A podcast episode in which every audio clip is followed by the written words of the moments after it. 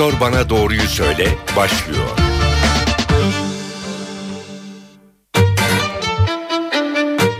NTV Radyo stüdyolarına hoş geldiniz. Ben Öykü Özdoğan. Doktor Bana Doğruyu Söyle programı başlıyor. Ekim ayı dünya genelinde meme kanseri bilinçlendirme ayı. Biz de bu programda bir kez daha hatırlayalım, hatırlatalım istedik. Stüdyomuzda Cerrahpaşa Tıp Fakültesi Genel Cerrahi Anabilim Dalı öğretim üyesi Profesör Doktor Recep Özgül Tekin var. Yayınımıza hoş geldiniz. Teşekkür ederim. 40 dakika boyunca sorularınızı 0212 335 47 20 nolu telefonu arayarak uzmanımıza, hocamıza ulaştırabilirsiniz ya da canlı yayın sırasında açtığımız Twitter ve Facebook hesaplarımızdan da sorularınızı bize ulaştırabilirsiniz. Hesaplarımızı hatırlatalım. facebook.com slash ntvradio ya da twitter.com slash ntvradio. Hocam tekrar hoş geldiniz. Teşekkür ederim. Ekim ayı dünya genelinde meme kanseri bilinçlendirme ayı olarak kabul ediliyor. Hastalıkla ilgili çeşitli kampanyalar var. En çok konuştuğumuz, duyduğumuz kanser türlerinden de biri aslında meme kanseri. Her yıl 200 binden fazla yeni meme kanseri tanısı koyulduğu açıklanmış. Evet. Doğru mu bu rakam? Doğrudur. Ee, peki bunların bu rakamlar çok yüksek değil mi? Önce onu sorayım. Ee, maalesef e, rakamlar gerçek, yüksek ama e, tabii bir sürü faktör bunu etkiliyor. İşte e, genetik faktörler yanında çevresel e, faktörler çok önemli ön plana çıkıyor. Hareketsiz bir yaşam e, bizleri daha çok e, bir takım hastalıklara maruz kalmaya bırakıyor. Meme kanseri de bu gruplar arasında oldukça önemli. E, kadın kansere bağlı kadın ölümlerinde meme kanseri ikinci sırada. Evet. E, bu e, son yıllarda e, kadınların e, sigara içme katsayısının erkekleri e, yakalamasından sonra akciğer kanserleri de e, birinci ölüm nedeni olurken meme kanserine bağlı ölüm nedenleri hala ikinci sırada ve çok önemli. Ve maalesef e, yaşta gittikçe düşüyor sanki. Daha genç yaşlarda meme kanseri e, o- e, olgularını daha fazla görmeye başladık. Aslında meme kanseri bir yaş eğrisiyle beraber geç yıllarda işte 40'lı 50'li yaşlardan sonra ileri yaşlarda pik yapan bir e, hastalık grubu iken son yıllarda bunun e, yaş olarak insidensinin biraz daha e, Düştüğünü genç yaşlara ile doğru gittiğini görüyoruz. Peki genelde kadın hastalığı olarak hep konuşup biliyoruz ama aslında erkeklerde de görülüyor galiba öyle değil mi? Evet, e, aslında meme kanseri sadece kadınlara ait bir e, hastalık değil. E, çok e, küçük bir oranda e, erkeklerde de meme kanserini müşahede ediyoruz. E, ama bu iş böyle hani bir e, e, kadınlarda gördüğümüz sıklıkta görülen bir e, durum değil. Ama erkek meme kanseri olgularımız da var. E, kimler risk altında? Risk gruplarından biraz bahsedelim mi hocam? Şimdi isterseniz e, riskten önce meme kanserinin nedeni ne? Tamam. Ondan bahsedeyim. Tamam. Şimdi e, doğrusu henüz e, bilimsel verilerle meme kanserinin nedeni şudur diyemiyoruz. Fakat e, genellikle e, bilimsel çalışmalar göstermiş ki e, östrojen yani kadını kadın yapan hormon bir yerde de meme kanserinden sorumlu hormon gibi ortaya çıkıyor. E, bir kadının hayatı boyunca östrojenik aktiviteye maruz kaldığı süre ne kadar uzarsa o kadar meme kanseri riski artıyor. Yani e, işte 8 doğum yapmış bir kadın düşünelim. E, Bu ne demektir? Ortalama 16 yıl e, menstruasyonun, adetlerin iptali demektir. Yani östrojenik aktiviteden uzak durma demektir. E 40 sene adet görüyorsa bir kadın ve 30 sene bunun 16 senesini iptal eden bir kadının meme kanserine yakalanma riski e, diğerine göre çok çok az. Az. O nedenle biz çok doğurun, e, işte çok emzirin deriz ki Evet. E, dolayısıyla bir şekilde östrojene maruz kalmaktan uzak durun. Fakat bizim aslında e, yani asıl faktörü östrojen olarak alırsak meme kanserindeki risk faktörlerini konuşmamız daha önemli. Yani neler e, e, hangi durumlarda e, bir bayan meme kanserine e, karşı açık vaziyette nasıl riskleri nasıl artıyor? Hangi durumlar bunlar? Ee, şimdi erken yaşta e, adetlerin başlaması, geç yaşta bitmesi birer risk. Yani geç menopoz, erken menarş ve erken e, adetlerin erken başlaması önemli bir risk. Yine doğum kontrol hapı kullanmak, doğurmamak veya geç doğurmak, 35 yaşından sonra doğurmak. E, genetik faktörler çok çok önemli. Hı. Annesinde e, işte primer yakınlarında meme kanseri olanlarda büyük riskler olduğunu görüyoruz. Tabii buradan şu e, anlaşılmasın yani her meme kanseri genetik e, özellikler taşır, genetik e, geçişi vardır demek de doğru değil. Bizim e, bilimsel çalışmalarla son dönemde, e, son dönemlerde e, e, ortaya koyabildiğimiz genetik yatkınlık genleri var. BRCA1 ve 2 genleri yani genetik yatkınlık genleri. Bunların pozitif olma durumunda meme kanserine ailevi olarak yakalanma riski yüksek. Peki ailesinde hiç olmayan ama bu bahsettiğiniz BRCA yanlış da telaffuz Doğru, ediyor olabilirim ama e, ne zaman fark edilir bu? Kendimizin mi gidip bunu test etmesi gerekiyor? Bunu e, şimdi e, bu zeka testi yaptırmak gibi bir şey. Hmm. Yani şimdi zeka testini siz herkese önerebilir misiniz? Öneremezsiniz. Çünkü önerdiğinizde e, bir sonuç çıkacaktır. O sonuç sizi mutlu etmeyecektir. Tabii. Ya çok zekiyim diye havalara girip e, garip garip şeyler yapacaksınız. Daha zeki zannediyordum kendimi yani, diye. E, şimdi bu genin e, baktırılması çok zor değil. Yani Hı. bu genler ölçülebiliyor. Ama baktırmayı ben doğrusu tavsiye etmiyorum. Sadece bu hastalığa yakalananlarda belki bakılmasında fayda var. Hani e, bundan sonraki jenerasyonlara iletilmesi konusunda e, etkili olabilir. E, Yine biz e, ben aslında şeyi e, çok önemsiyorum. E, meme kanserinde çevresel faktörler, beslenme faktörleri ve hı hı. hareketli yaşam. Özellikle uzak doğuda yaşayan meme kanser şey uzak doğuda meme kanserinin çok düşük oranda olduğunu özellikle işte Tayland, Çin Öyle mi? oralarda batıya doğru gittikçe Amerika'da ve bizim gibi ülkelerde meme kanserine yakalanma oranının yüksek olduğunu görüyoruz. E, bunu e, en güzel e, işte Amerika'ya göç eden uzak doğulularda gözlemlemişler. Orada birinci jenerasyon yani ilk göç edenlerde meme kanserine yakalanma oranı geldikleri ülke gibi düşük. Hmm. Amerikalı gibi değil. İkinci jenerasyon, ikinci nesilde bu oran artmaya başlıyor. Üçüncü nesilde tıpkı Amerikalı gibi oluyor. Bunun nedeni de beslenme alışkanlıklarının Amerikalılar gibi olması. Amerikalılar nasıl besleniyor?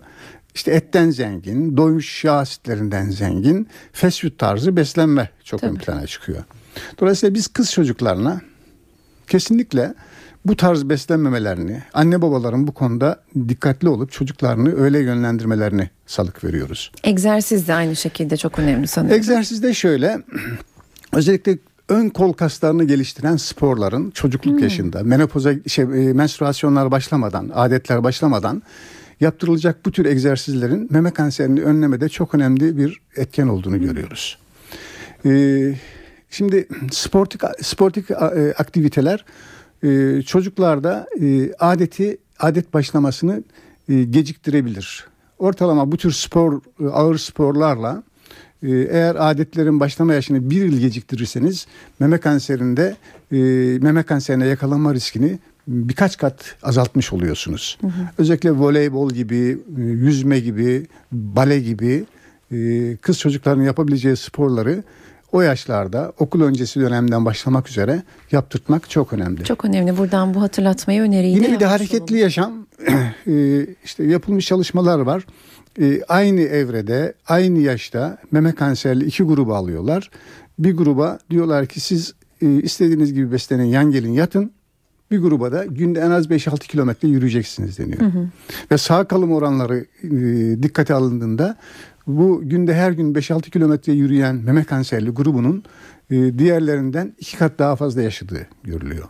Kanserli olmalarına rağmen. Kanserli olmalarına rağmen yani hareketli yaşam aslında Tabii. çok çok önemli. O denli önemli. Ee, peki her kanser türü olduğu gibi e, meme kanseri için de erken tanının çok önemli olduğundan e, bahsediyoruz. Tanı yöntemleri nelerdir? Biraz bunlardan bahsedelim mi? Şimdi e, tanı yöntemleri e, öncelikle ben Yunus Emre'nin o sözüyle girmek isterim buraya. E, buraya. E, ilim ilim bilmektir, ilim kendim bilmektir. Hı. Şimdi o zaman ben yolda yürüyen bir kadının memesinden ne olduğunu bir uzman olmama rağmen bilemem. Hı hı. Ee, bu kadının bana gelmesi için de önce kendinin bir şeyi yakalaması lazım.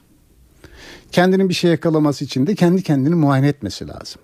Yani işte yatarken veya ayna karşısında bir banyoya girerken işte sol memesini e, sağ eliyle, sağ memesini sol eliyle her tarafını şöyle friksiyon hareketleriyle e, yavaş yavaş muayene edecek. Belki birinci, ikinci, üçüncü de e, çok fazla bir şey anlamayacak ama ondan sonraki muayenelerde bir herhangi bir değişim olduğunda göğsünde Her gün mü yapmak lazım her gün değil muayeneleri? yani ayda bir kere yapsanız bile yeterli yani banyodan banyoya girerken de yapılabilir. Ee, işte meme başında bir takım e, böyle yaralar, çekilmeler vesaire bizim için çok önemli uyarıcı olabilir. Ee, arkadaşlarımıza da hep öğrencilerimize de söyleriz. Meme başındaki her tür yarayı e, meme kanseriymiş gibi yorumlayın. Yani bu işte psoriasis fro- gibi bir takım deri hastalıkları e, zannedilerek işte melhemlerle oyalanmaya çalışılır. Doğru değildir. Yine e, ciltte herhangi bir çekilme e, işte hani ben hastalarıma şey derim benimle kavga edecek gibi dur derim karşımda oturturum ellerini beline koydurturum.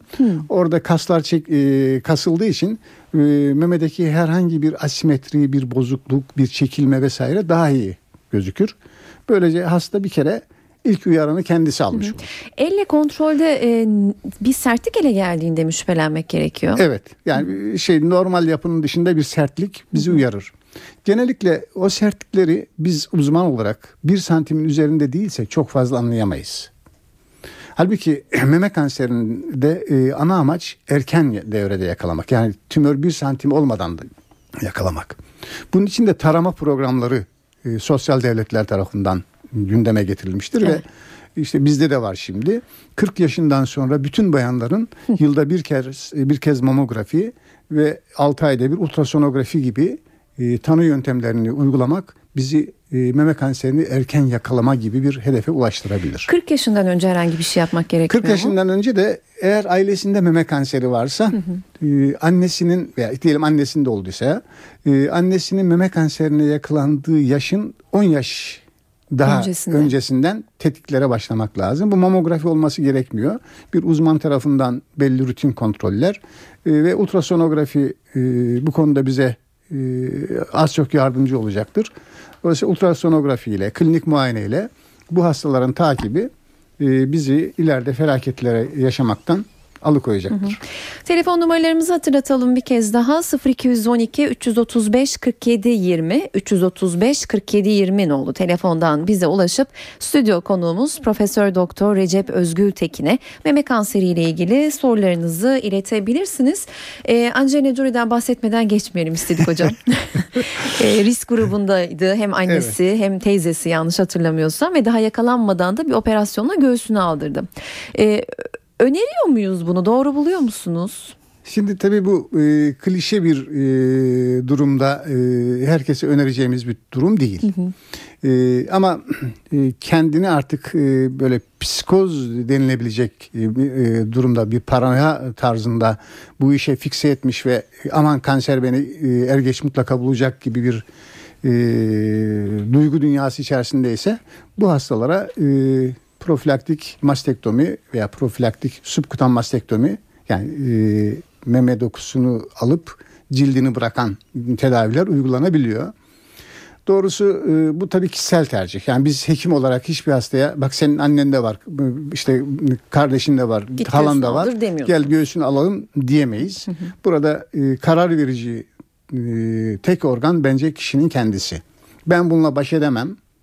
Bu eninde sonunda beni yakalayacak e, derse bir hasta ve buna inanıyorsa elinde de e, bizim elimize de o veriler gelmişse böyle bir ameliyat yapılabilir ama dediğim gibi kişisel tercihtir. Peki tamamen riski ortadan kaldıran bir yöntem mi gerçekten bu? Genellikle yüzde doksan evet. Şimdi en iyi e, bu işi en iyi yapan e, kişinin bile e, meme dokusunun tamamını çıkartayım derken çok az bir miktarı yine kalacaktır. Fakat onun kontrolü daha kolaydır. Dolayısıyla e, bir şekilde önleyicidir Zaten adı adı üzerinde önleyici mastektomi. Evet peki e, Newsweek'te program hazırlanırken başka bir araştırmaya denk geldim. İngiltere'de e, yapılan bir araştırma galiba bu. Aile geçmişinde kanser olan e, risk grubundaki kadınlara araştırma değil aslında bir yöntem. Önleyici bir ilaç tedavisi uygulanmaya başlanmış. Ulusal Sağlık Hizmetleri bu şekilde hem kanserle mücadele e, ediyormuş. Gerçekten bu ilaç işe yarıyor mu? Türkiye'de var mı? Henüz, Nedir bu ilaç? E, henüz yok. E, böyle bir... E, e, sistemin daha oturması için belki 10 yıllara ihtiyaç var. E, fakat bizim hani e, memede prognozu belirleyecek bir takım belirteçlerimiz var. E, işte bunlardan bir tanesi CRB2 dediğimiz e, Hernoy dediğimiz e, bir gen. E, bunun ölçümlerinde bunun varlığında özellikle son yıllarda e, Herceptin tedavisi veya Transumab tedavisi ee, bugün artık kullanılıyor. Ee, bizim tedavi e, e, programımızın kollarından bir tanesi de bu. Yani kemoterapisi, cerrahi işlemleri bittikten sonra da ya böyle bir tedavi veriliyor. Yine antiöstrojen dediğimiz e, hormon reseptörlerinin varlığı durumunda, pozitifliği durumunda antiöstrojen tedavi dediğimiz tedaviler uygulanmakta. Peki bir dinleyicimiz var hatta onun bir sorusunu alalım. Reklama gitmemiz gerekiyor çünkü. Merhaba isminizi öğrenebilir miyiz lütfen? İyi günler. Ayşe Hanım ben. Ayşe Hanım sorunuzu alalım. Tabii iyi günler diliyorum ilk önce. İyi günler. Ee, benim e, iki tane çocuğum var. İkisini e, 24 ay 24'er ay emzirdim. E, ancak ikisi de e, sadece sol mememden emdi. Sağ mememden ikisi de emmek istemedi. Emzirdiğim süre boyunca da hiçbir sıkıntı yaşamadım bununla ilgili. Ama evet. e, meme kanseri yaşamış bir arkadaşım işte tedavi oldu. E, kendi başından geçenleri anlatırken e, onun da iki çocuğu var. İki çocuğumu da ben tek mememden emzirim öbür mememden emmek istememişlerdi demişti. E, acaba benim de hani, korkmam gerekiyor mu onu öğrenmek istiyorum. Yok bunun için e, korkmanız gerekmiyor. Hı hı. E, zaten e, biz e, emzirmenin e, meme kanserini engellemede bir e, rolü olabileceğini bir zamanlar söylüyorduk. Bugün son veriler aslında e, bunun çok da doğru olmadığını gösterdi. Ee, onun yerine hamile kalmak, e, çocuk doğurmak, işte 35 yaşın e, öncesinde bu işleri yapmış olmak çok daha ön planda. Ee, onun için bence korkmanıza gerek yok. Anladım. Teşekkür ediyorum. Geçmiş olsun. Kolay Teşekkürler Ayşe Hanım yayınımıza katıldığınız için.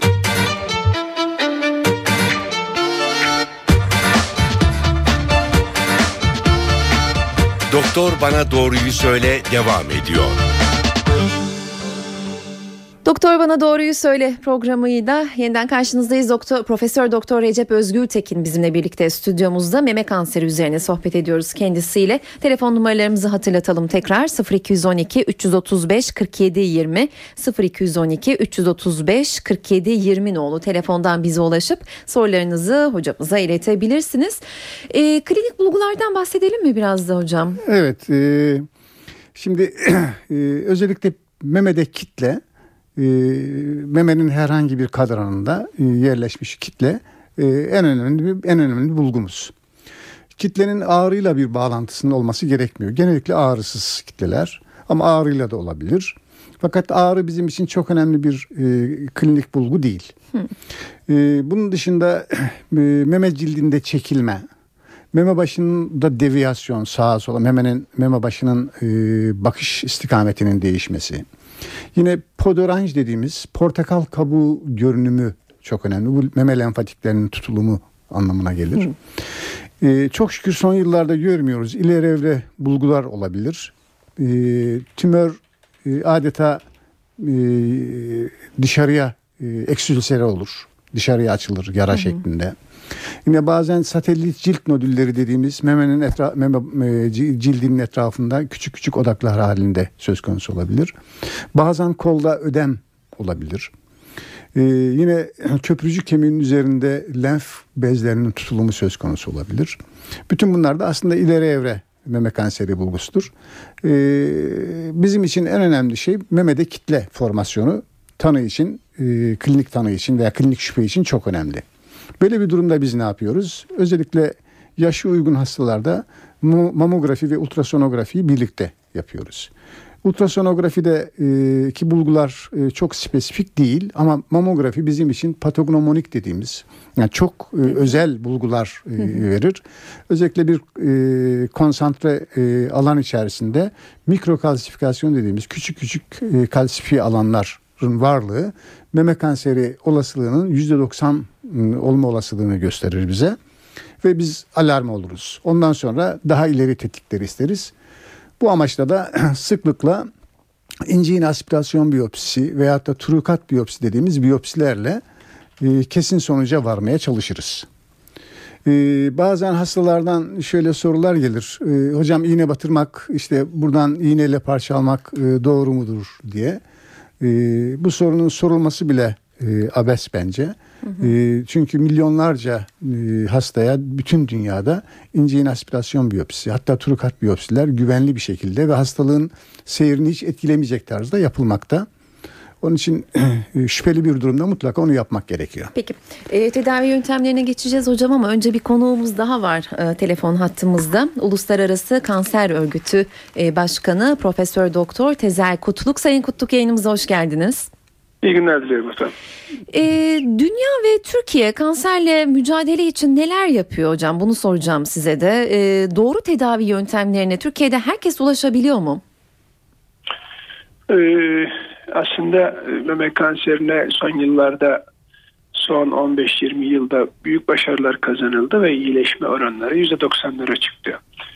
Ee, bu iyileşme oranları %90'lara çıkarken öte yandan erken tanı, tarıma, e, mamografi, kendi kendine meme muayenesi gibi yöntemlerle iş çok iyi noktalara geldi ama dünya geneline baktığınız zaman Türkiye'de dünyada insanların hepsi bir kısmı bilmemekten, bir kısmı geç kalmaktan, bir kısmı korkmaktan, bir kısmı ulaşamamaktan maalesef e, iyi bir yerdeyiz ama o iyi olduğumuz noktada her insanlarımız bu, bu imkanların tümünü e, çok iyi bir şekilde kullanıyorlar diyemeyiz. O nedenle e, gücümüzü, çalışmalarımızı o tarafa verip e, insanların bu kurtarılabilir hastalıktan kurtulmasına yönelik faaliyetlerimizi yoğunlaştırmamız gerekiyor. Peki e, yapılan kampanyalar Türkiye'deki e, kampanyalardan bahsediliyorum bahsediyorum. Sizce yeterli mi? Yöntemlerimiz yeterli mi? Doğru mu e, yapıyoruz? Şimdi Sağlık Bakanlığı bu KETEM adı verilen e, kanser tarama merkezlerinde işte mamografileri 40-45 yaşlarından sonra yapmaya e, önermeye 45 yaşından sonra yılda bir kez mamografi önermeye başladı. Ve kendi kendine meme muayenesi de 20'li yaşlardan sonra tavsiye ediliyor. Fakat e, hala o Türkiye genelindeki ortalamalara baktığımız zaman kurtulan oran %90'larda değil. Yani e, ulaşabilen kurtuluyor, bunun farkında olan, bilen, yapan kurtuluyor ama e, bu imkanlardan, bu tarama imkanlarından insanların yeterince yararlandığını söyleyemeyiz. Orada sorun var. O nedenle bir taraftan sivil toplum, dernekler, örgütler, üniversiteler, bilim adamları, medya hepimiz insanları bilgilendirip bu yöntemleri kullanmaya davet etmemiz lazım. Bu yöntemler artık Türkiye'de erişilebilir hale geldi. 10 sene önce 20 sene önce böyle değildi. Bugün artık var. Mamografi her yerde var. İnsanlar hekime ulaşabiliyor ama bunu yeterince kullanıyor muyuz? Çok kötü müyüz? Değiliz. Ama daha iyi olabilir miyiz? Evet daha iyi olabiliriz. İnsanların sadece bu işi bilmeleri bile işin şeklini değiştirebilir.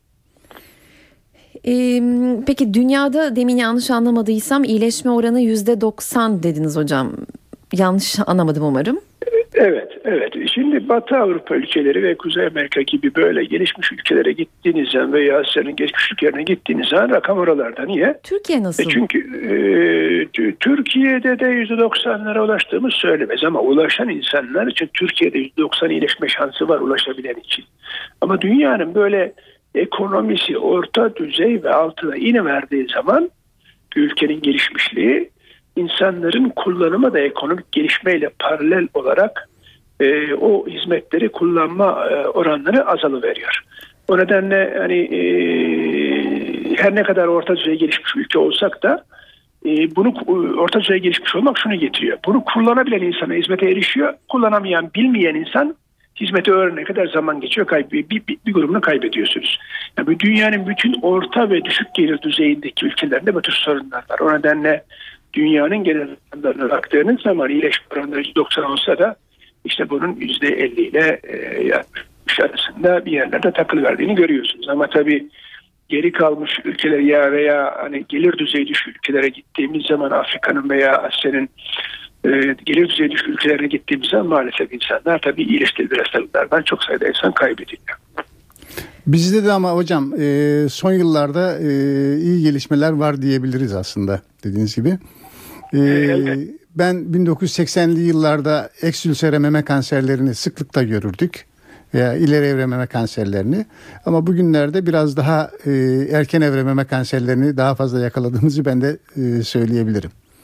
Evet tabii bu e, kanser taramalarının, mamografinin e, insanların farkında olması, yaygınlaşması nedeniyle erken tanı imkanı ve erken tanı olacağı tabii iyileşme oranları e, artıyor. Ama e, sevindirici haber Birleşmiş Milletler 2011 yılında yaptığı toplantıyla işte dünyanın nüfusunda bir mesaj verdi. Nüfusun %80'inin e, temel tıp e, yöntemlerine, tekniklerine ve ilaçlarına erişimini kolaylaştıracak bir, e, bir, karar aldı ve bütün ülkeler buna imza attı. Dünya Sağlık Evet. Teşkilatı da e, bunun için bir eylem planı hazırladı. Bunlar e, kabul edildi geçtiğimiz yıl içerisinde. Önümüzdeki birkaç yıl kanser politikaları açısından da dünyanın sıcak e, geçireceği günler olacak. Yani dünya küresel bir savaşa doğru kararlı bir şekilde adım atıyor. Ama tabii bütün kanserler için baktığımız zaman yıllık her yıl 12 milyon insanın kansere yakalandığını düşecek olursak aslında problemin ne kadar büyük olduğunu görebiliriz. Evet. Peki çok teşekkür ediyoruz Tezel Kutluk yayınımıza katıldığınız için. Ben teşekkür ederim efendim. Sağ olun. İyi günler. Teşekkürler. Uluslararası Kanser Örgütü Başkanı Profesör Doktor Tezel Kutluk telefon hattımızdaydı. Ee, hocam tedavilerden bahsedelim. Süremizi de e, doğru Süreyi kullanalım. biraz açtık gibi. Evet e, var gerçi daha vaktimiz ama e, herkes aynı tedaviyi e, görebiliyor mu? Kesin tedavi yöntemleri nelerdir? Biraz bunlardan Şimdi bahsedelim. e, şöyle ben e, sistematik olarak onu e, açıklayayım.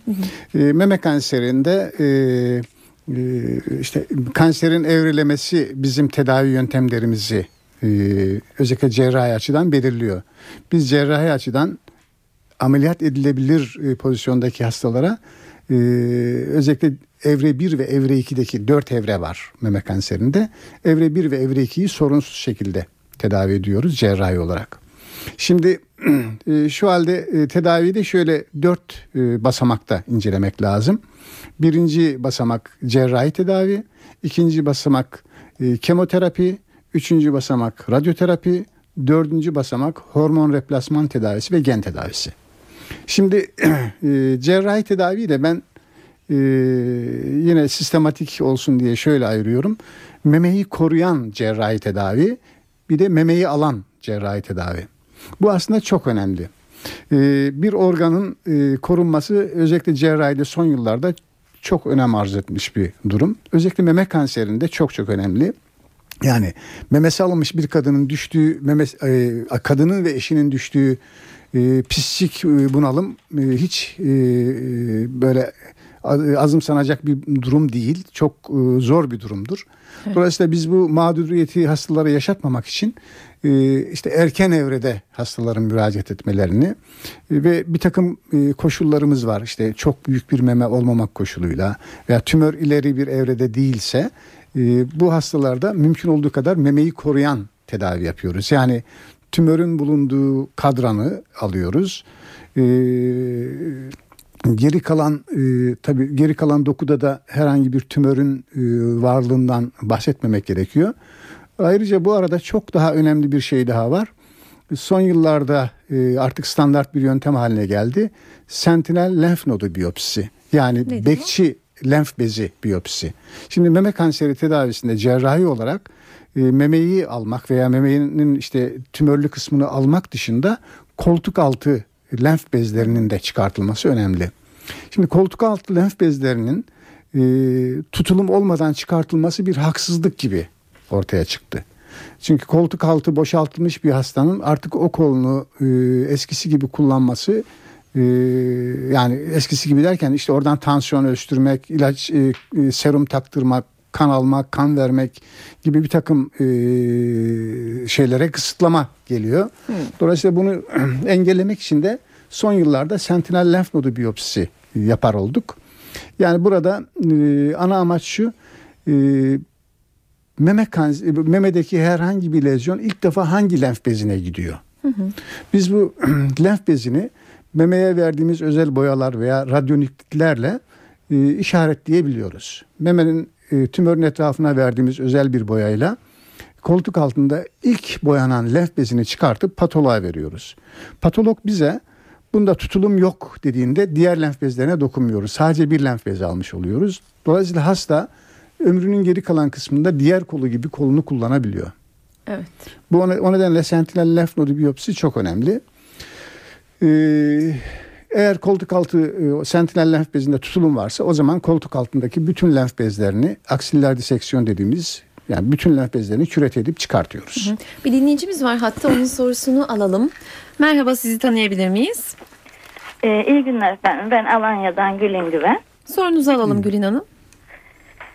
Ee, ben 55 yaşındayım. Halamda meme kanseri vardı ama ondan ölmedi. Acaba benim de riskim fazla mı? Çocuklarımı da e, çok emdirmedim. Spor çok yapmadım doktorun dediğine göre. Ee, geçmiş bir şey yok. Ee, şimdi de yapmaya başlayabilirsiniz sporunuzu. Ha, Ee, yap- spor yani derken yaptım, e, sizin yaşınızda yürümek e, çok önemli bir Yürümek. spor olabilir. Evet. Ee, ama e, primer yakınınız, halanız e, böyle bir şeye yakalandığı için böyle bir hastalığa Evet. sizde de e, riskin diğerlerinden daha fazla olduğunu söylemek çok yanlış olmaz. E, ama e, halanızdaki e, meme kanseri belki ailevi geçiş gösteren bir meme kanseri değildi. Onu da bilemiyoruz. O nedenle e, ben de e, bu hastalığı bir şekilde yakalayacağım gibi bir e, Korku. iddianız, korkunuz olmasın. Olmaz. Ee, Yıllık takiplerinizi yaptırırsanız, kendi kendinize göğsünüzü muayene ederseniz, e, yıllık mamografi ve Mamografi çektiriyorum her yıl. Ya mutlaka ama onu kendi çektirin. kendime hiç bakmıyorum yani. Ama kendi kendinize de bakın çünkü sizin göğsünüzdekini biz koklayamayız hekimler olarak. Siz kendiniz ancak onu hissedebilirsiniz. En ufak bir değişiklikte hiç vakit kaybetmeden hani yıllık e, takip programının dışında da e, hekiminize gitmek e, e, çok önemli bir e, pozisyondur diye düşünüyorum. E peki başka yere de sıçrıyor mu bu meme kanseri? e, çok duydum yani böyle aldık alındıktan sonra da başka yerlere sıçrıyor. Kolda çok şişme oluyor. İşte onlar e, şimdi tedavide anlatacağım onları. E, Aha, evet. Eğer erken evrede müdahale edilirse e, bütün bunların e, Olmaz. hiçbirinin olmaması e, beklediğimiz bir durum. Ama geç evrede olursa tabii başka yerlerde de karaciğere, beyine, kemiğe Ha, metastaz yapabilir. Evet. Peki teşekkür Çok ederiz. teşekkür ediyorum efendim. olsun. Yayınımıza da Katıldığınız için. teşekkür ediyorum bu programı hazırladığı için. Teşekkür ederiz İyi günler yayınımıza efendim. katıldığınız için. Sağ olun. Sağ olun. Ee, hocam şunu soracağım. Sormadan edemeyeceğim. Ee, kansere neşter değerse daha kötü olur denir halk arasında. Eyvah. Ben bu soruyu duyunca e, kaşınıyorum. Kaşınıyorsun. Yani e, bu aslında e, direkt e, bizimle konuşurken böyle bir şey- soran birisi beni inkar ediyor demektir. E, benim e, şahsi olarak ve etrafımda e, kliniğimizin verilerine baktığımda 20 yıldır 30 yıldır neşter şey, bıçak vurulmuş takip ettiğimiz bir sürü meme kanseri ve diğer kanser hastaları var.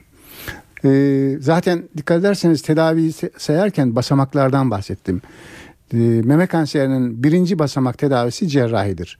İkinci basamak kemoterapi, radyoterapi ve diğerleri geliyor. E, önemli olan burada erken evrede müdahale edebilmek. Yani çok geç evrede yapılmış bir e, cerrahi müdahalenin de e, getirisinin çok olmayacağını biliyoruz. Şimdi biz meme kanserini evrelerken evre 1 ve evre 2'nin erken evre operable meme kanseri yani ameliyat edilebilir meme kanseri grubu olduğunu söyledik. Ee, ortada olan bir grup var evre 3 meme kanseri. Bunlar e, çok ileriyle e, çok başlangıç arasındaki bir pozisyon. E, evre 3 meme kanserlerinde biz neoadjuvan tedavi dediğimiz bir tedavi modeli uyguluyoruz. Yani hastalara önce ilaç tedavisi yapıyoruz. Kemoterapi. Ondan sonra bu hastaları ameliyatla tedavi ediyoruz. Daha sonra tekrar kemoterapilere devam ediyor. İleri evre meme kanserinde ise işte kolda ödem, ciltte eksülserasyon, böyle her, her tarafa yayılmış e, lenf e, şey, kanser hücreleri, karında şişlik yani bütün uzak metastaz bulguları olan hastalarda artık biz onlara ameliyat edilme safhasını geçmiş hasta diyoruz. Bunlar öncelikle işte kemoterapi programlarından vesaire faydalanabildikleri kadar tedaviler yapılır. Ee, ondan sonra eğer e, uygun olursa cerrahi sağaltımda e, düşünülebilir. Ama bizim asıl cerrahi olarak tedavi ettiğimiz e, olgular evre 1, evre 2 ve evre 3'ün ikinci basamağı. Peki. 0212 335 47 20 telefon numaralarımız 335 47 20 oldu telefondan bize ulaşıp Profesör Doktor Recep Özgül Tekin'e meme kanseri ile ilgili sorularınızı sorabilirsiniz. Ee, eğer cerrahi müdahaleye geldiyse sıra e, göğüs alınacaksa göğüsü tamamen mi almak gerekiyor? Herkesin göğüsü tamamen alınmalı mı alınabilir mi? Şimdi genellikle göğüsü korumaya çalışıyoruz. Yani e, hiçbir hastayı göğsünü alarak mağdur etmek gibi bir e, prensibimiz yok.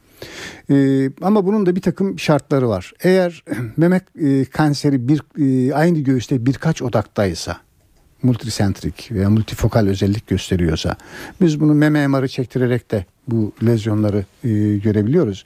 Birkaç odaktaysa memesi kadının çok büyükse e, çok e, periferde yaşıyorsa, uzakta yaşıyorsa, radyoterapi vesaire için gidip gelme olasılığı e, çok zorsa veya ışınlanacak. Çünkü biz memeyi bıraktıktan sonra yani memenin diyelim bir kısmını aldık. O geri kalan memenin mutlaka ışınlanması gerekiyor tedavinin bir parçası olarak. Çok büyük bir memede ışınlamanın bir takım e, yanık vesaire gibi bir takım riskleri var. Dozu ayarlayamayabiliyorsunuz.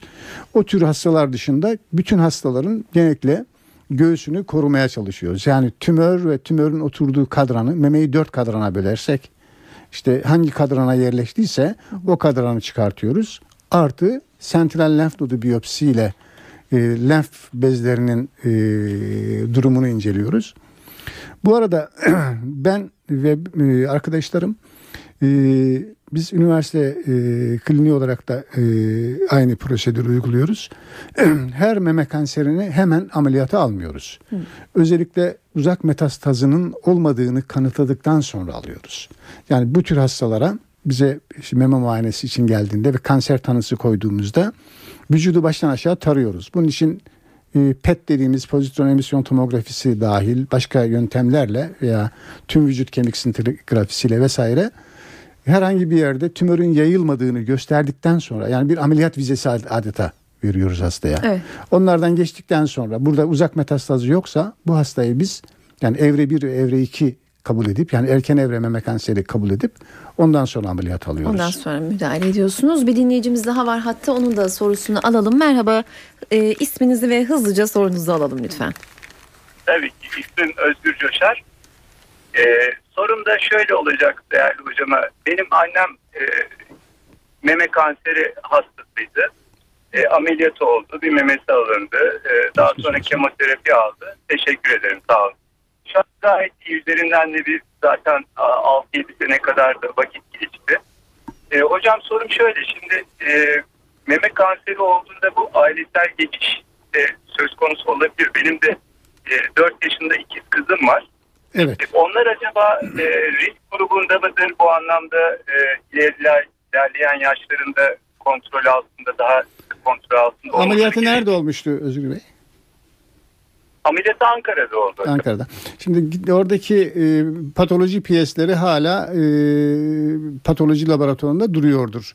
Orada bir takım e, e, genetik testler yaptırtabilirsiniz. Yani e, böyle bir e, genetik geçiş özelliği olan bir tümör mü değil mi onu öğrenme şansınız olur eğer çok e, şey yaparsanız.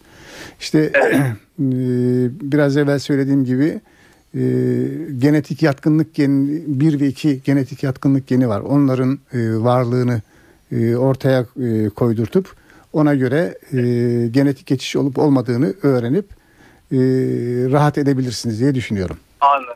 Peki hocam şöyle şimdi anne tarafımızda bir sıkıntı yok. Ee, babanın annesinde böyle bir problem olması çocuklarda kız çocuklarda gene bir risk altına sokuyor mu acaba? Yani genellikle söylenen e, e, riskin daha az olduğu.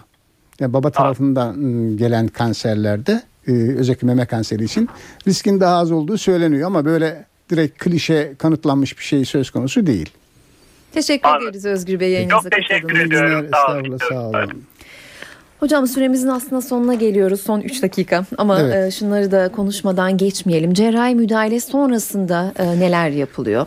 Şimdi cerrahi müdahalede işte e, göğüsü koruyan veya korumayan yöntem işte lenf bezlerini alma veya işte tek lenf beziyle e, olayı e, tedavi etme prosedüründen sonra bu hastalarda e, hastalığın e, işte e, tipi vesaire patolojik yapıları belirlendikten sonra hastaları biz destek kemoterapisi dediğimiz kemoterapiye veriyoruz.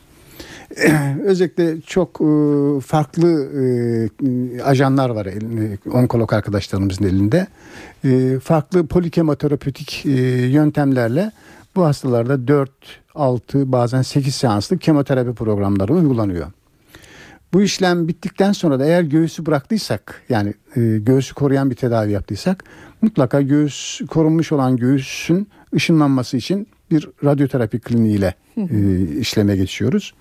Ayrıca histopatolojik tetkik sonucunda e, reseptörlerin varlığının e, pozitifliğinde mesela östrojen ve progesteron reseptörleri pozitifse bu hastalara en az 5 yıl sürecek anti östrojen tedavi dediğimiz bir tedavi uyguluyoruz.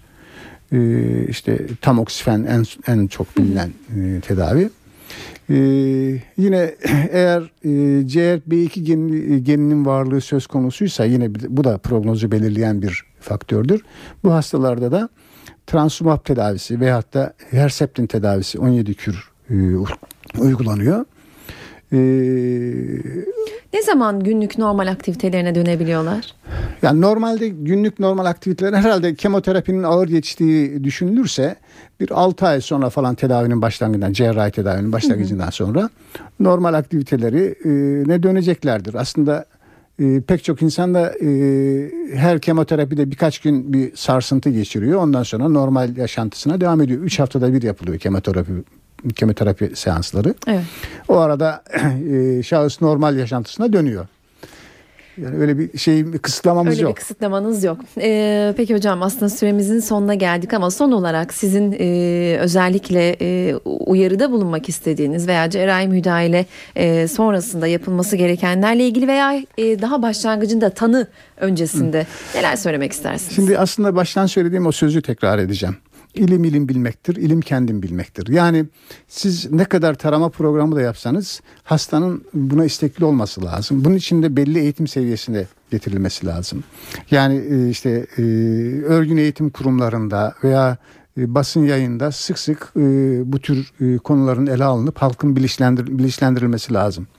O nedenle ben böyle bir programa destek olduğunuz ve yaptığınız için sizi tebrik ediyorum. Çok teşekkür ediyorum. Teşekkür ederiz. E, yani e, e, magazin programlarından çok daha önemli diye düşünüyorum.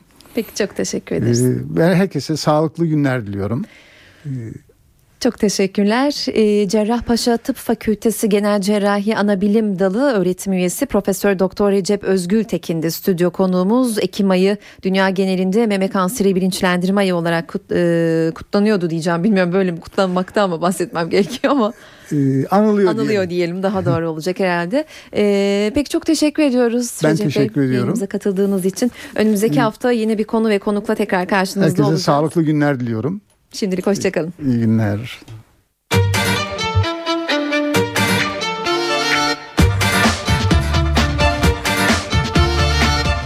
Doktor bana doğruyu söyle.